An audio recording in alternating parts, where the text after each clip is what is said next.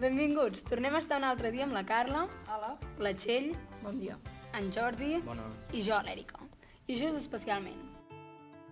En l'episodi d'avui aprendrem sobre un trastorn molt curiós, el TID. Què ens en pots dir, Txell? Doncs mira, el trastorn d'identitat dissociatiu o TID és un tipus de, de trastorn dissociatiu que fa que més d'una persona convisquin en un mateix cos amb les seves respectives personalitats i afecta entre un 1 i un 3% de la població. Com el trastorn de pers- personalitats múltiples. De fet, són el mateix, però la gent que ho pateix prefereix que s'utilitzi el terme TID. Has dit que és un tipus de trastorn dissociatiu. Què vol dir això? La dissociació consisteix en alteracions o fallades en la memòria, la identitat, la, consci la consciència i o la percepció. I com se sap quan una persona té TID?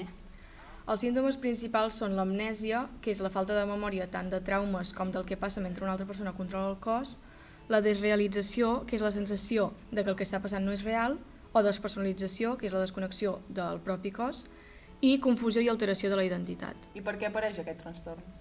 És causat per, treure, per traumes durant la infància, normalment per abús sexual o físic, que provoca que no es pugui cons- construir una identitat única en una etapa de desenvolupament, de la identitat personal. Les altres personalitats apareixen per protegir a l'original del trauma, ja que aquesta no pot suportar la situació. Sí que té un inici dur, doncs.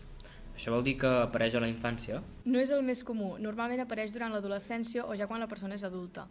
A més, costa identificar que el, el que es pateix és TID per la desinformació, perquè molta gent es pensa que simplement se'n veus i perquè les altres personalitats es poden fins i tot intentar amagar de l'original. Amb tot això, aquest trastorn sona molt difícil de conviure-hi.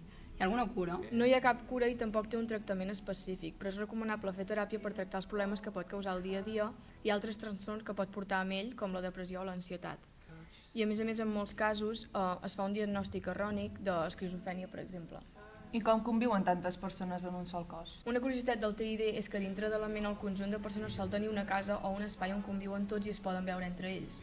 I poden arribar a estar conscients en el cos més d'una persona a la vegada, és a dir que mentre una persona el mou, l'altra pot veure el que està passant. A més a més, les persones poden tenir, les diferents personalitats poden tenir qualsevol edat i a vegades no són ni humanes. El més important, però, és tractar-los com a persones independents, ja que realment ho són, eh, per molt que tu sempre vegis el mateix cos.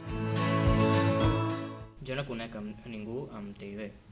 Hi ha algun cas famós o han tingut algun tipus de representació? En tenen molt, molt poca, però la representació més coneguda del TID és en la pel·lícula Múltiple, en el que una persona amb aquest trastorn segresta un grup de noies i es va veient com interactuen amb les diferents personalitats. Però no és una pel·lícula de terror. Exacte, no és una representació precisa, ja que mostra la persona de TID com a perillosa quan no ho són i a més té poders sobrenaturals.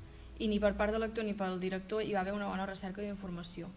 En general, la comunitat de gent que pateix aquest trastorn no està contenta amb la representació de la pel·lícula. Home, m'ho imagino. Si ja tenen poca representació, no deu ajudar que l'únic que sap la gent dels trastorns sigui que són perillosos quan no ho són. Només ajuda a fer que estiguin més estigmatitzats.